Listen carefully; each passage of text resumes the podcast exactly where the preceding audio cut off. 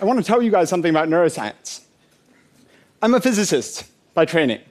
About three years ago, I left physics to come and try to understand how the brain works. And this is what I found. Lots of people are working on depression.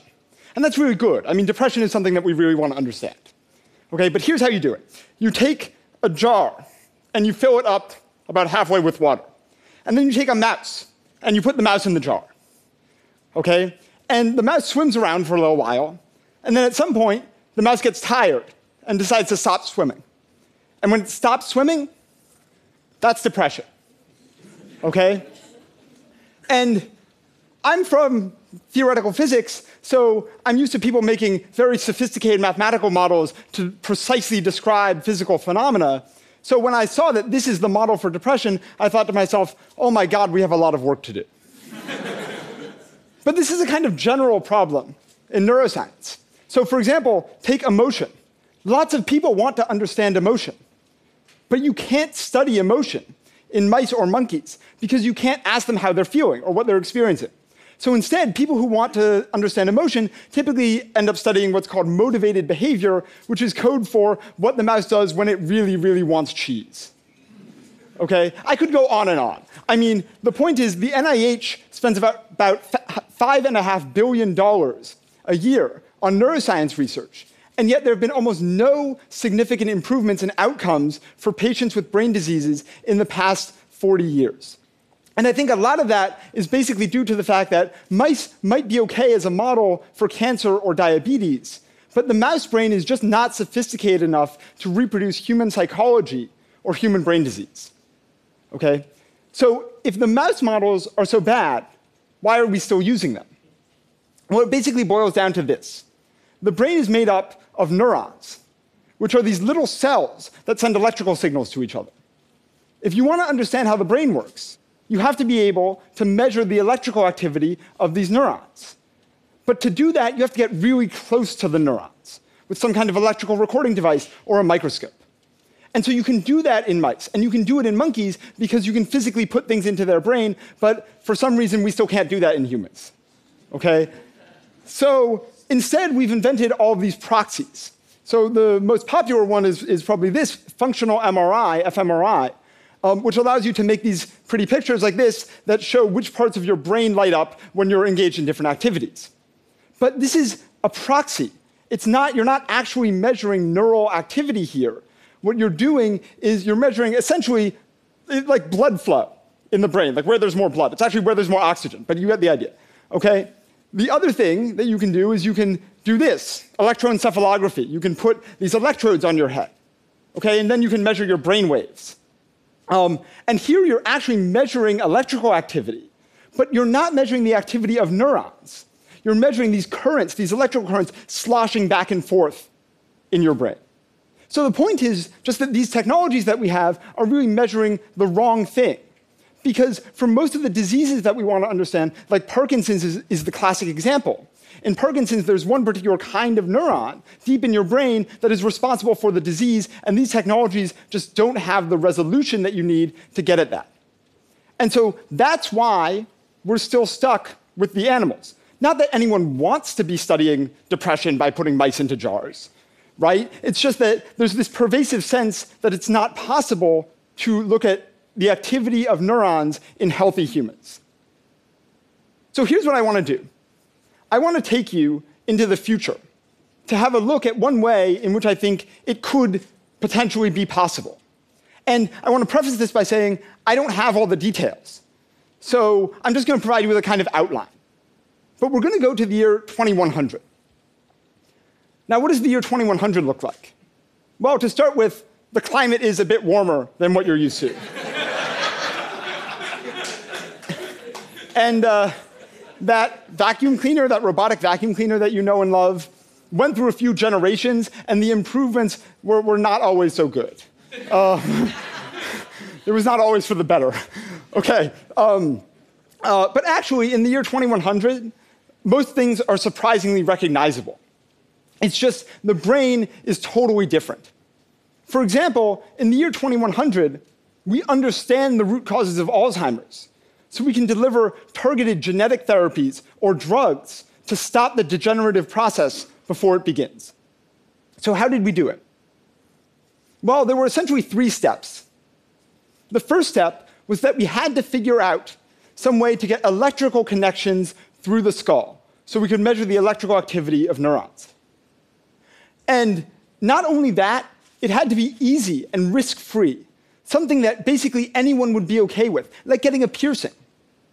Because back in 2017, the only way that we knew of to get through the skull was to drill these holes the size of quarters. You would never let someone do that to you. So in the 2020s, people began to experiment rather than drilling these gigantic holes, drilling microscopic holes, no thicker than a piece of hair. And the idea here was really for diagnosis. There are lots of times in the diagnosis of brain disorders when you would like to have to be able to look at the neural activity beneath the skull, and being able to drill these microscopic holes would make that much easier for the patient. In the end, it would be like getting a shot. You just go in and you sit down, and there's a thing that comes down your head, and a momentary sting, and then it's done, and you can go back about your day. So, we were eventually able to do it using lasers to drill the holes. And with the lasers, it was fast and extremely reliable. You couldn't even tell the holes were there any more than you could tell that one of your hairs was missing. And I know it might sound crazy using lasers to drill holes in your skull, but back in 2017, people were okay with surgeons shooting lasers into their eyes for corrective surgery. So when you're already here, it's not that big of a step. Okay? So the next step that happened in the 2030s was that it's not just about getting through the skull. To measure the activity of neurons, you have to actually make it into the brain tissue itself. And the risk whenever you put something into the brain tissue is essentially that of stroke, that you could hit a blood vessel and burst it, and that causes a stroke. So by the mid 2030s, we had invented these flexible probes that were capable of going around blood vessels rather than through them. And thus, we could put huge batteries of these probes into the brains of patients and record from thousands of their neurons without any risk to them. And what we discovered, sort of to our surprise, is that the neurons that we could identify were not responding to things like ideas or emotion, which was what we had expected. They were mostly responding to things like Jennifer Aniston or Halle Berry or Justin Trudeau. I mean, in hindsight, we shouldn't have been that surprised. I mean, what do your neurons spend most of their time thinking about? but, but really, I mean, the point is that this, this technology enabled us to begin studying neuroscience in individuals. So much like the transition to genetics at the single cell level, we started to study neuroscience at the single human level. But we weren't quite there yet, because these technologies were still restricted to medical applications which meant that we were studying sick brains, not healthy brains. Because no matter how safe your technology is, you can't stick something into someone's brain for research purposes. They have to want it. And why would they want it? Because as soon as you have an electrical connection to the brain, you can use it to hook the brain up to a computer. Oh, well, you know, the general public was very skeptical at first. I mean, who wants to hook their brain up to their computers? Well, just imagine being able to send an email with a thought. imagine being able to take a picture with your eyes, okay? imagine never forgetting anything anymore because anything that you choose to remember will be stored permanently on a hard drive somewhere, able to be recalled at will. The line here between crazy and visionary was never quite clear. But the systems were safe. So when the FDA decided to deregulate these la laser drilling systems in 2043, commercial demand just exploded. People started signing their emails, please excuse any typos, sent from my brain. commercial systems popped up left and right, offering the latest and greatest in neural interfacing technology. There were 100 electrodes, 1,000 electrodes, high bandwidth for only $99.99 a month. Soon everyone had them. And that was the key. Because in the 2050s, if you were a neuroscientist, you could have someone come into your lab essentially from off the street. And you could have them engage in some emotional task or social behavior or abstract reasoning, things you could never study in mice. And you could record their, the activity of their neurons using the interfaces that they already had. And then you could also ask them about what they were experiencing. So, this link between psychology and neuroscience that you could never make in the animals was suddenly there. So, perhaps the classic example of this was the discovery of the neural basis for insight, that aha moment, the moment when it all comes together, it clicks.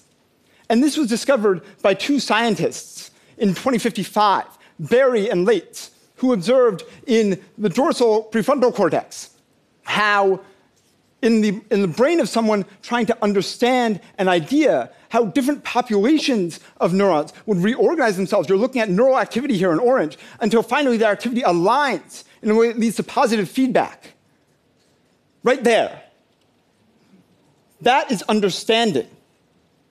So finally, we were able to get at the things that make us human.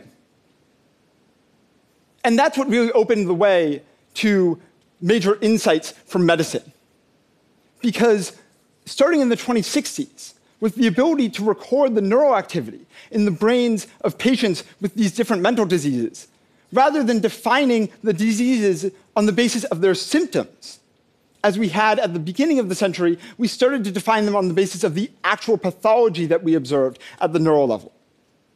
So, for example, we discovered in the case of ADHD, we discovered that there are dozens of different diseases, all of which had been called ADHD at the start of the century, that actually had nothing to do with each other, except that they had similar symptoms. And they need to be treated in different ways. So it was kind of incredible in retrospect that at the beginning of the century, we had been treating all of these different diseases with the same drug, just by giving people amphetamine, basically, is what we were doing. And schizophrenia and depression are the same way. So rather than prescribing drugs to people essentially at random, as we had, we learned how to predict which drugs would be most effective in which patients, and that just led to this huge improvement in outcomes. Okay, I want to bring you back now to the year 2017. Some of this may sound satirical or even far fetched, and some of it is. I mean, I can't actually see into the future. I don't actually know if we're going to be drilling hundreds or thousands of microscopic holes in our heads in 30 years. But what I can tell you is that we're not going to make any progress towards understanding the human brain or human diseases until we figure out how to get at the electrical activity of neurons in healthy humans. And almost no one is working on figuring out how to do that today. That is the future of neuroscience. And I think it's time for neuroscientists to put down the mouse brain and to dedicate the thought and investment necessary to understand the human brain and human disease. Thank you.